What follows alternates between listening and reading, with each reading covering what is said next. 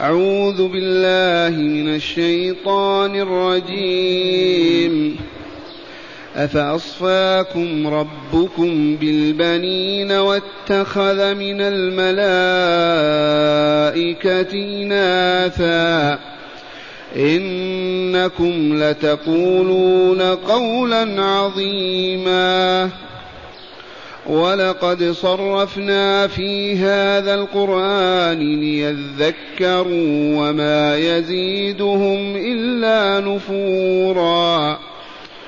قل لو كان معه آلهة كما يقولون كما يقولون إذا لابتغوا إلى ذي العرش سبيلا. سبحانه وتعالى عما يقولون علوا كبيرا. تسبح له السماوات السبع والأرض ومن فيهن وإن من شيء إلا يسبح بحمده ولكن لا تفقهون تسبيحهم. إنه كان حليما غفورا. معاشر المستمعين والمستمعات من المؤمنين والمؤمنات علمنا مما سبق أن السور القرآنية المكية التي نزلت بمكة تعالج العقيدة تعمل على إيجاد عقيدة في النفس البشرية يصبح صاحبها حيا يسمع النداء ويجيب. يفعل المأمور ويترك المنهي وذلك لكمال حياته. هذه العقيدة مبناها لا إله إلا الله محمد رسول الله صلى الله عليه وسلم. فمن آمن بالله وحده ربا لا رب غيره وإلها لا إله سواه وعرف من صفاء من صفات جلاله وكماله كما قلت أصبح حيا ومن آمن بالله يطلب الإيمان برسول الله ويبحث عنه إذ لا واسط لنا نتمكن بها من عبادة ربنا وحبه والخوف منه إلا نبوة ورسالة بين أيدينا. فرسول الله يبين لنا كيف نعبد الله كيف نتقرب إليه بما نصفه عما ننزهه. فلا بد من أن محمد رسول الله. لا إله إلا الله محمد رسول الله صلى الله عليه وسلم.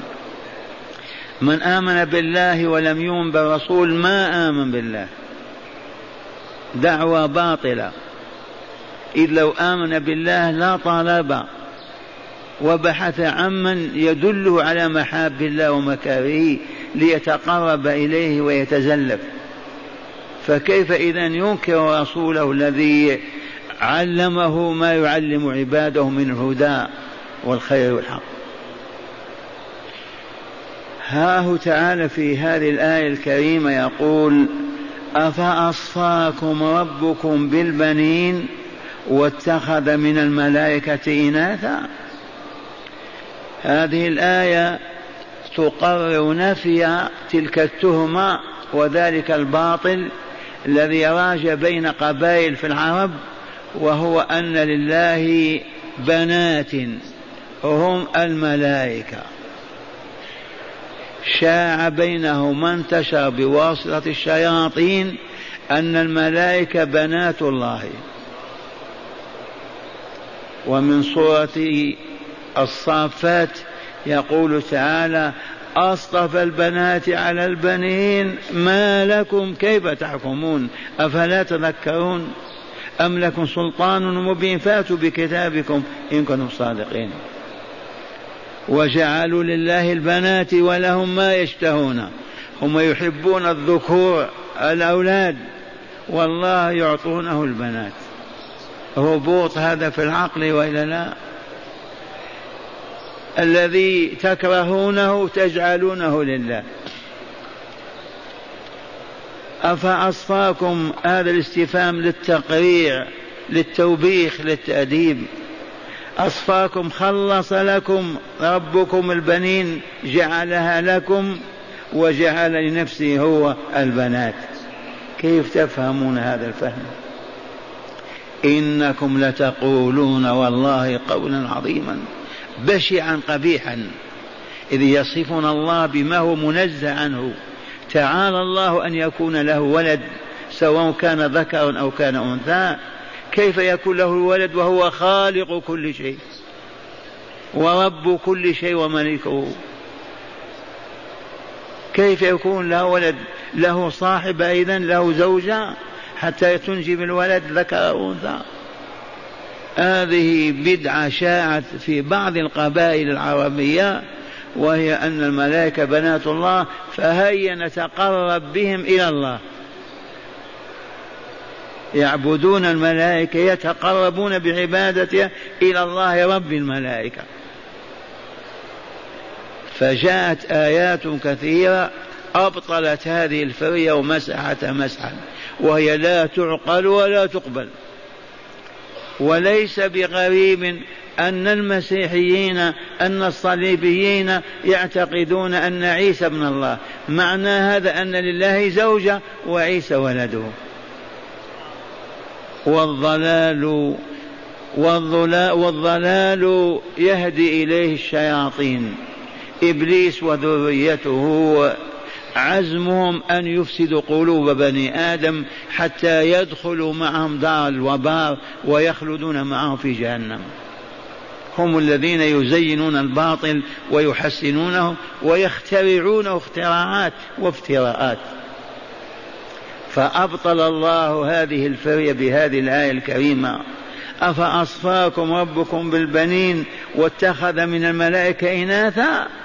إنكم لتقولون قولا عظيما. يخصكم أنتم بالذكور وهو يتخذ الإناث. فهذه تستل تلك الفرية من قلوب أهلها. أفأصفاكم ربكم بالبنين واتخذ من الملائكة إناثا؟ إنكم لتقولون قولا عظيما. فاحشا كبيرا. ينسبون إلى الله ما هو منزه عنه ومقدس. الملائكة خلقهم الله ليسوا بذكور ولا بنات أبدا. يعبدونه الليل والنهار طول الدهر بلا نهاية. فكيف يكون في حاجة إلى بنات؟ ثم جرت سنة الله في التوالد أن يكون من ذكر وأنثى. تعالى الله وهو خالق كل الذكور وخالق كل الإناث. هذا معنى قوله تعالى أفأصفاكم ربكم بالبنين؟ يا من تعتقدون أن الملائكة بنات الله إنكم لتقولون قولا عظيما. ثم قال تعالى ولقد صرفنا في هذا القرآن صرفنا في الأوامر النواهي الحكم المواعظ التم التمثيل. ما ترك شيئا يهدي الناس إلى وهو في هذا القرآن الكريم. صرف فيه كل ما تحتاج إليه البشرية. وبخاصة الأوامر والنواهي وبيان العقيدة والآداب والأخلاق وكل ذلك مصرف في القرآن. مبين فيه من أجل أن يذكروا فيؤمنوا ويوحدوا الله ويعبدوه ولكن أبوا إلى الكفر. ولقد صرفنا في هذا القرآن الذي بين أيدينا كتاب الله صرف فيه ضرب فيه الأمثال وعظ فيه ضرب بين فيه الأحكام. ما ترك شيئا ينتفع به الناس إلا بينه في هذا القرآن. ويبقى الملائكة بنات الله مع هذا. وقد نافى هذا مرات, مرات عديدة وأبطله. أصطفى البنات على البنين ما لكم ويجعلون لله ما يشتهون ولهم ما يكرهون. إذا ولقد صرفنا في هذا القرآن ليذكروا. هذه علة التصريف وتنويع الخطاب في القرآن الكريم. حتى يذكروا فيتعظوا فيؤمنوا ويهتدوا ويعبدون الله وحده. ولكن وما يزيدهم إلا نفورا. عجائب القرآن وما يحمل من هدى ما يزيدهم إلا نفورا. لأنهم أولا قالوا هذا سحر كهانة ليعموا أبصار الناس. ثانيا يحافظون على باطلهم الذي عاشوا عليه وآباؤهم فيدفعون كل آية بما في نفوسهم من غريزة وشهوة لهذا الباطل. فهم لو تأملوا القرآن وتدبروا لاتضح لهم الحال وعرفوا الطريق وسلكوا سبيل الهداية. لكن ما يريدون أن يسمعوا ولا أن يفهموا من القرآن. يدفعونه سحر شعر. ما نريد أن نسمع. لماذا؟ للحفاظ على باطلهم. اعتادوا عبادة الأحجار والأصنام والتماثيل والتقرب إليها. وعاشوا عليها وانتفعوا بها في بعض مآكلهم ومشاربهم و إذا فما استطاعوا أن يتخلوا عنها فهم يردون الحق بالباطل. فترة معينة فقط ثم تاب الله على أكثرهم ودخلوا في الإسلام. هذا معنى قوله تعالى ولقد صرفنا الرب تعالى يتكلم ويقول صرفنا في هذا القرآن ليذكروا من أجل أن يذكروا فيتعظوا فيؤمنوا ويعبدوا الله ويوحدوه.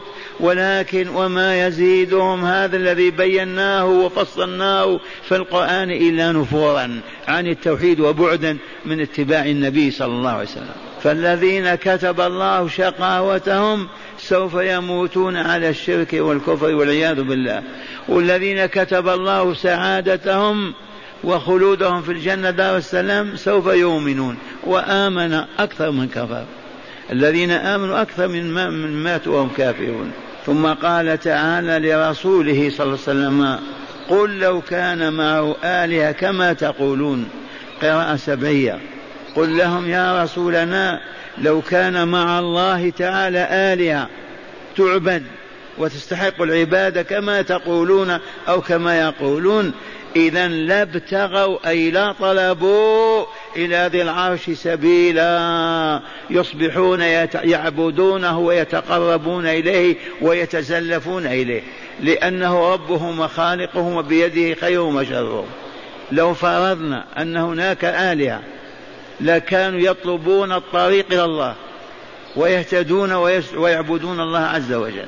تأملوا. قل لهم يا رسولنا لو كان فيهما كذا السياق لو كان معه آلهة مع الله كما يقولون كما تقولون. إذا لابتغوا أي لطلبوا إلى ذي العرش طريقا للوصول إلى رضوانه ومحبته وطاعته. والله العظيم. هذا من باب الفرد. ووجه آخر أيضا. لو كان معه آلهة لحاربهم وحاربوا وقتلوه وقتلهم وقتلوه. كقوله تعالى لو كان فيهما آلهة إلا الله لفسدتا هذا يقول نخلق وهذا يقول ما نخلق. هذا يقول نعطي هذا يقول ما نعطي. فتحدث الحروب بينهم وبين الله كما تحدث بين السلاطين والحكام. فهذا برهان قاطع ما فيه إله إلا الله. وإن فرضنا أن هناك كان آلهة فإن الله تعالى يدمرهم ويهلكهم. وإلا ما كانت السماء سماء والأرض أرض ولا عاشت هذه البشرية. الفتنة تقع بين إلهين فيدمر احدهما الآخر. يشهد لهذا الآية التي ذكرت لكم لو كان فيهما آلهة إلا الله أي في السماء والأرض لفسدتا وتخرب. وها نحن نشاهد إذا تنازع اثنان يفسد ما بينهما. أما ظاهر الآية هنا لو كان فيهما آ... لو كان مع الله آلهة كما يقولون. إذا لابتغوا أي لا طلبوا إلى ذي العرش جل جلاله طريقا لطلب رضاه والوصول إلى محبته وعبادته. ولكن لا وجود لها.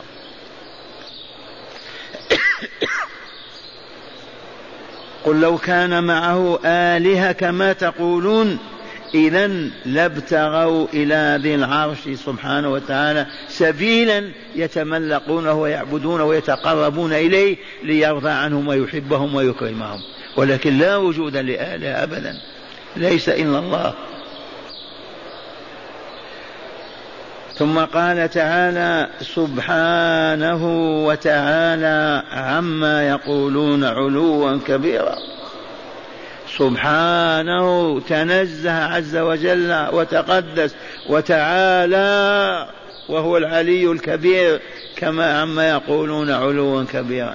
أقوالهم أباطيلهم ترهاتهم خرافاتهم كلها باطلة والله تنزه وتعالى وتكبر ولم يكونوا أبدا معه آلهة. سبحانه كلمة سبحانه معناها تنزيه الله وتقديسه تنزيه عن كل نقص ووصفه بكل كمال. سبحانه وتعالى علوا كبيرا أين هو من خلقه؟ المخلوقات كلها تحته وهو فوقها العلي الكبير. تعالى أن يكون له شركاء أو أنداد أبدا علوا كبيرا. نزه الرب تبارك وتعالى نفسه عما يقولون من أن له بنات هن الملائكة يعبدونها أو أن له آلهة يتوسلون بها إلى الله سواء من الملائكة أو من الإنس أو الجن. ثم قال تعالى تسبح له السماوات السبع قراءة سبعية. تسبح ويسبح. له السماوات السبع والأرض ومن فيهن. ما معنى تسبح؟ تنزهه عن النقائص وتقدسه تصفه بالكمالات. وهذا التسبيح. اولا الملائكة والإنس والجن هؤلاء يسبحون الله بلسان القال. والكافرون منهم يسبحونه بلسان الحال هل هناك فرق بين لسان القال ولسان الحال؟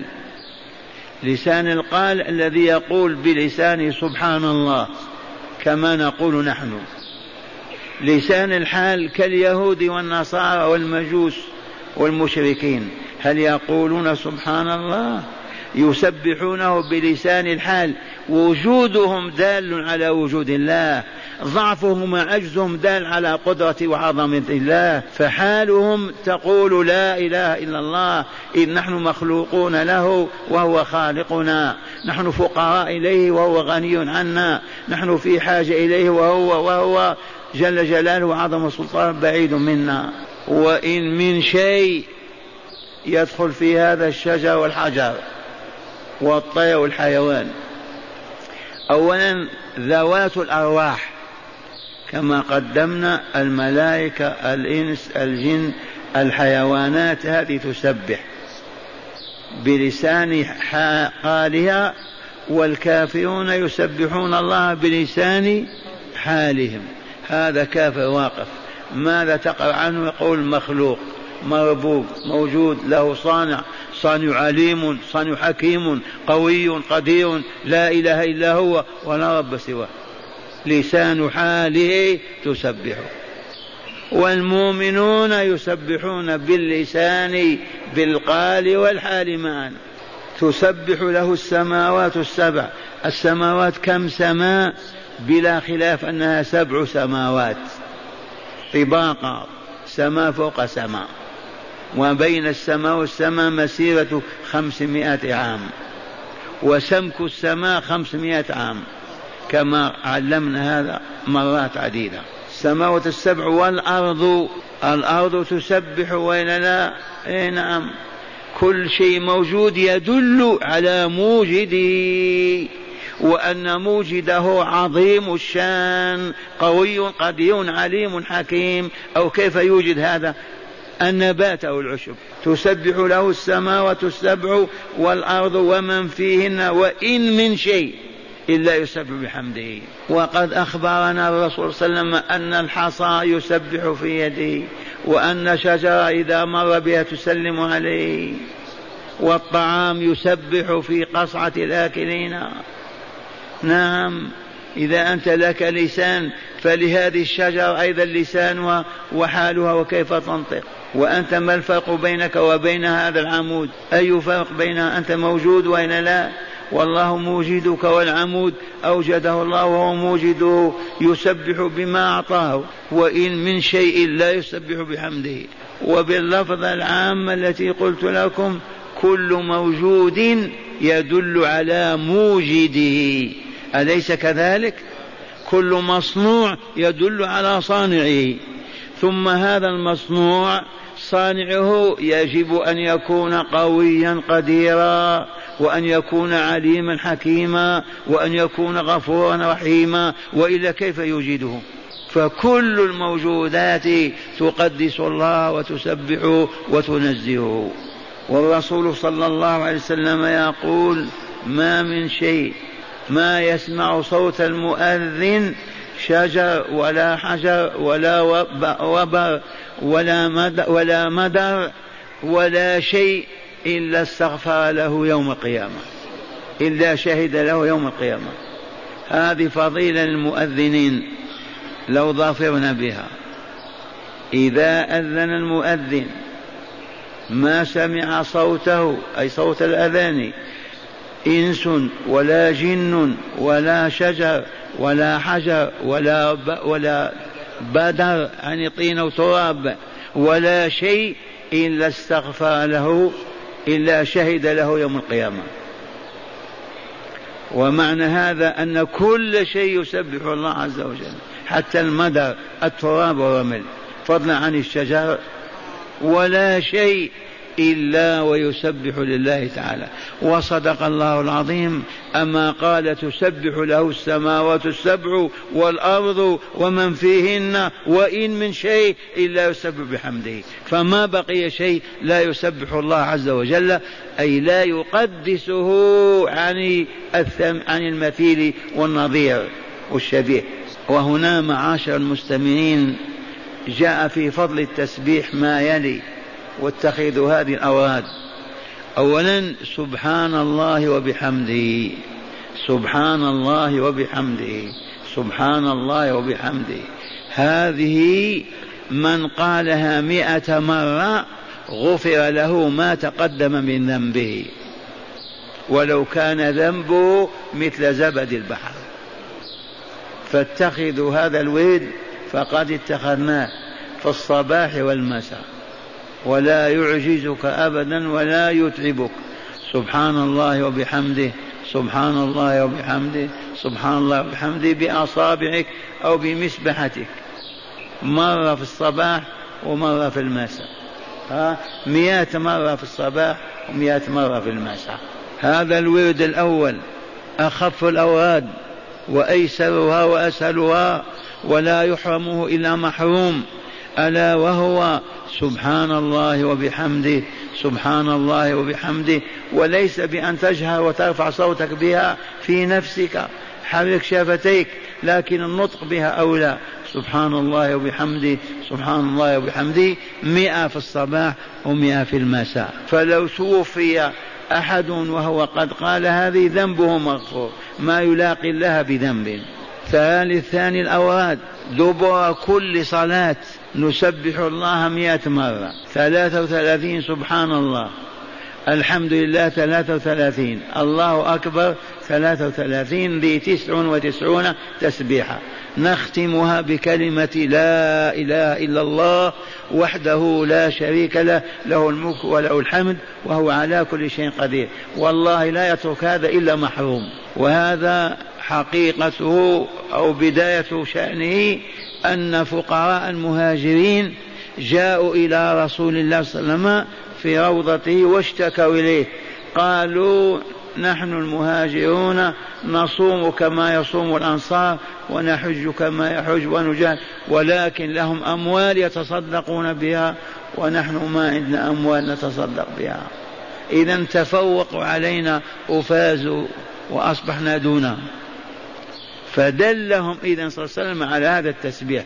يتفوقون إلا من قال مثله. قال تسبحون الله دبر كل صلاة ثلاثا وثلاثين وتحمدون الله ثلاثا وثلاثين وتكبرون الله ثلاثا وثلاثين وتختمون المئة بلا إله إلا الله وحده لا شريك له له الملك وله الحمد وهو على كل شيء قدير. تتفوقون عليهم إلا من, من فعل مثلكم وزاد. هذا الورد يترك وأنت مأمور بأن تسبح الله الليل والنهار وإلا لا؟ ورد النوم احتاجت فاطمة الزهراء رضي الله عنها إلى خادم يخدمها في البيت كما عندكم أنتم الخدم لأنها امرأة من؟ امرأة علي رضي الله عنها وأنجبت الحسن والحسين وفلان وفلان تحتاج إلى من يساعدها. فوضعت عجارها على رأسها وأتت الرسول صلى الله عليه وسلم. تشكو إليه ذلك. فما وجدت عنده ما يعطيها. منين يعطيها؟ تألم وتألمت وعادت إلى بيتها. حتى إذا كان نصف الليل أو ثلث من الليل ونامت العيون جاء صلى الله عليه وسلم إلى بيت علي وهو نائم مع فاطمة على فراش واحد. ودخل الفراش بينهما وأعطى عليا يده اليمنى وفاطمة يده اليسرى. أو العكس. هذا الذي يملك رسول الله. لو عنده مال لو عنده دينار درهم لأعطاكم ثم قال لهما ألا أدلكم على شيء؟ إذا فعلتهما خير لكما من كذا وكذا من الخوادم. ما هو يا رسول الله صلى الله عليه وسلم؟ قال تسبحون الله ثلاثا وثلاثا قال إذا أويتما إلى فراشكما إذا أويتما إلى فراشكما تسبحان الله ثلاثا وثلاثين وتحمدان ثلاثا وثلاثين وتكبران ثلاثا أربعا وثلاثين. وتكبران أربع وثلاثين هذه مئة. يكون هذا عونا لكم على أمور دنياكم ودينكم. هذا الورد يسمع هموم ويتركه. أسألكم بالله. إلا ميت الضمير غافل لا قيمة له. ما نتركه أبدا. إذا أويت إلى فراشك قبل أن تجامع زوجتك قبل أن تنام قبل أن كذا ابدأ به. أو فيه مشقة وصعوبة سبحان الله سبحان الله سبحان الله سبحان الله. ثلاثة وثلاثين بأصابعك. الحمد لله الحمد لله الحمد لله. بأصابعك. الله أكبر الله أكبر الله أكبر. كذلك مئة. يكون والله عونا لنا على أمور دنيانا. هذا الذكر والله يقول الباقيات الصالحات. خير عند ربك ثوابا وخير املا. ما هي الباقيات الصالحات؟ يبين لنا رسول الله صلى الله عليه وسلم كما في الموطأ. ويا سبحان الله والحمد لله ولا إله إلا الله والله أكبر. سبحان الله والحمد لله لا إله إلا الله والله أكبر. ولا حول ولا قوة إلا بالله. أيضا فهذا ورد ما يترك ابدا. سبحان الله والحمد لله لا إله إلا الله والله أكبر ولا حول إلا ولا قوة إلا بالله. أليس هذا من أعظم الذكر؟ سماه الله الباقيات الصالحات. باقيات هذه وإلا لا؟ وصالحة. فلا تفوت مؤمنا ابدا. عرف هذا النداء وعرف هذا التسبيح. اذا والصلاة على النبي صلى الله عليه وسلم. ما قال أكثروا من الصلاة علي أبشركم بأن القضية سهلة. وضعت يوم ليلة الجمعة الساعة إلى جنبي. وصليت على النبي صلى الله عليه وسلم والله ألف مرة. وما هي إلا ربع ساعة بالدقيقة. بالدقيقة. ربع العشر آه نعم. الحادي عشر إلا ربعا. أخذت أصلي على النبي. اللهم صل على محمد وآله وسلم تسليما. اللهم صل على محمد وآله وسلم تسليما. والله ألف مرة. عددتها بالقرآن. الفاتحة ألف البقرة ألف النساء آل عمران ألف النساء ألف المائدة ألف الأنعام ألف الأعراف ألف الأنفال ألف التوبة ألف يونس ألف. عرفتم؟ حتى ما تعجز لما تسبح المياه قول هذه الفاتحة. تدخل في البقرة تدخل في آل عمران تدخل في النساء تدخل في الأنعام المائدة تدخل في الأنعام تدخل في الأعراف تدخل في الأنفال تدخل في التوبة مع يونس. ألف مرة. ها؟ لا لا ما هي ألف آية. يعني حتى ما تغلط مئة مئة عشر صور كل صورة بمئة ألف وإلا لا؟ وأنتم تعرفون أن من صلى على نبينا مرة صلى الله عليه بعشرة فإذا صليت ألف كم يصلي عليك الرب؟ عشرة الآلاف. وخلاصة القول أننا ذاكرون. والله يقول والذاكرون والذاكرات. تبهتم ما نفرغ أبدا إلا ونذكر الله عز وجل. فإن شغلنا بأكل أو شرب أو حديث مع الإخوان أو كذا معذورين. أما ساكت ما فيه كيف ما تذكر؟ لا سيما سبحان الله وبحمده سبحان الله العظيم سبحان الله وبحمده سبحان الله العظيم. ماذا يقول الرسول فيهما؟ كلمتان خفيفتان على اللسان ثقيلتان في الميزان حبيبتان إلى الرحمن. سبحان الله وبحمده سبحان الله العظيم. نتملق بها الجبار عز وجل. ومن هنا ما عندنا مجالس له ولا باطل ولا أغاني ولا مزامير ولا كذب ولا خرافات. والله لا وجود لها لأننا امه ممتازة. احياء غير أموات مع ربنا في قوله وإن من شيء إلا يسبح بحمده ولكن لا تفقهون تسبيحهم لأن ما عندنا قدرة على أن نفهم ما يقول البعير أو تقول البقرة أو تسبح الشجرة. فقط ما نفقه هذا لعجزنا عن ذلك. لكننا مؤمنون أنه ما من شيء إلا يسبح الله بلسان الحال ولسان المقال قلنا لسان الحال لأن الكفار ما يسبحون. قد تقول كيف؟ نقول حالهم يسبح الله عز وجل. وجود العبد يدل على وجود الرب. سمع العبد وبصره يدل على سمع الله وبصره. وجود الفهم يدل على على عظمة الله وجلاله. فهو يسبح الله عز وجل. ولكن لا تفقهون تسبيحهم. إنه كان حليما غفورا. والله لولا حلمه لعاقب كل من ينساه ويتركه. كل من يعرض عن ذكر وتسبيحه إذ خلقه ليذكر ولا لا. وما خلقت الجن والإنس إلا ليعبدوني. فإذا أعرض العبد عن ذكر الله أو الجن أو كذا لولا حلم الله يدمره ولا يبقي له وجود. لكنه الحليم. والغفور لعباده المؤمنين. إذا نسوا أو أعرضوا أو غفلوا ثم تابوا ورجعوا فالله غفور رحيم. بسم الله والحمد لله. من هداية الآيات حرمة القول على الله تعالى بالباطل ونسبة النقص إليه تعالى كاتخاذه ولدا أو شريكا. حرمة القول على الله بدون علم. اعلموا أنه لا يحل لمؤمن ولا مؤمنا ولا لكافر ولا لكافرة ولا لإنسان أن يقول على الله شيء بدون علم. لا نقول فعل الله أو قال الله أو وصف الله كذا إلا عن علم.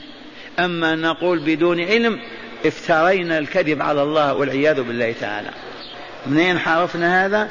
لما قالوا الملائكة بنات الله. اعتبر هذا شركا وظلما والا لا وكفرا. قالوا بدون علم. آه الله أعلمهم أن الملائكة بناته حاشا وكلا وتعالى الله. فهم قالوا بدون علم. فلا يحل القول على الله بدون علم أبدا. إن علمت عن الله شيئا قله. ما علمت قل الله أعلم. هاتي. ثانيا مشروعية الاستدلال بالعقليات على إحقاق الحق وإبطال الباطل. مشروعية الاستدلال بالعقل على إحقاق الحق وإبطال الباطل. من أين أخذنا هذا؟ قل لو كان فيهما آلهة قل لو كان قل لو كان فيهما آلهة قل لو كان معه آلهة قل لو كان معه آلهة كما يقولون إذا لابتغوا إلى العرش سبيلا. لو كان هناك آلهة لحاربوا الله عز وجل وقاتلوه. لابتغوا إليه سبيلا أي لا ذلوا وهانوا وعبدوا الله عز وجل كما فسرنا الآيتين. لكن ما في آلهة مع الله قط. لو كان آلهة يحاربون الله يدمره أليس كذلك؟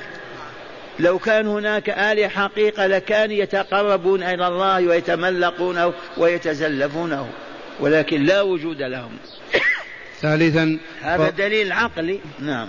ثالثا فضيلة التسبيح وهو قول سبحان, سبحان الله وبحمده حتى إن من قالها مئة مرة غفرت ذنوبه ولو كانت في الكثرة مثل زبد البحر.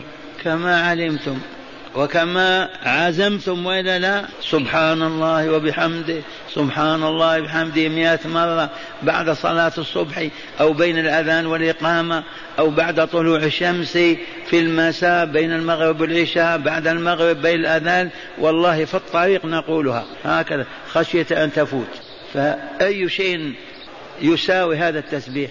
يغفر الذنب ولو كان مثل زبد البحر كيف نترك هذا؟ والدليل دائما عندكم هذه الآية وإن من شيء إلا يسبح بحمده ولكن لا تفقهون تسبيحهم إنه كان حليما غفورا.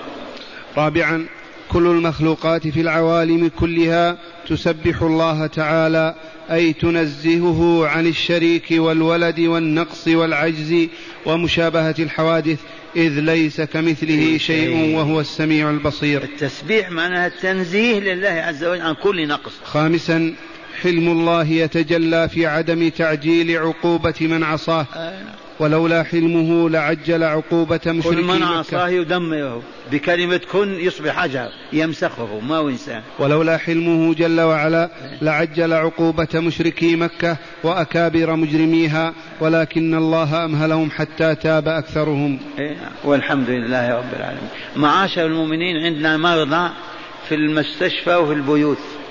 أحد الأبناء مريض في مكة قالوا ادعوا الله لي وعندنا مرضى في بيوتنا أيضا. اللهم يا حي يا قيوم يا بديع السماوات والأرض يا مالك الملك يا ذا الجلال والإكرام. هذه أكفنا قد رفعناها إليك ضارعين سائلين. اشف هؤلاء المرضى يا رب العالمين؟ بشفائك الذي لا يغادر سقما. واشف كل مؤمن ومؤمنة من أمراض الغل والحسد والغش والنفاق والكبر والرياء؟ وطهر قلوبنا وزكي أرواحنا. يا خير من زكاها أنت وليه ومولاها. اللهم أدخلنا برحمتك في عباد الصالحين. واجعلنا من الذاكرين العابدين القانتين الربانيين يا رب العالمين. وتوفنا وانت راضي عنا. وأدخلنا برحمتك في عبادك الصالحين.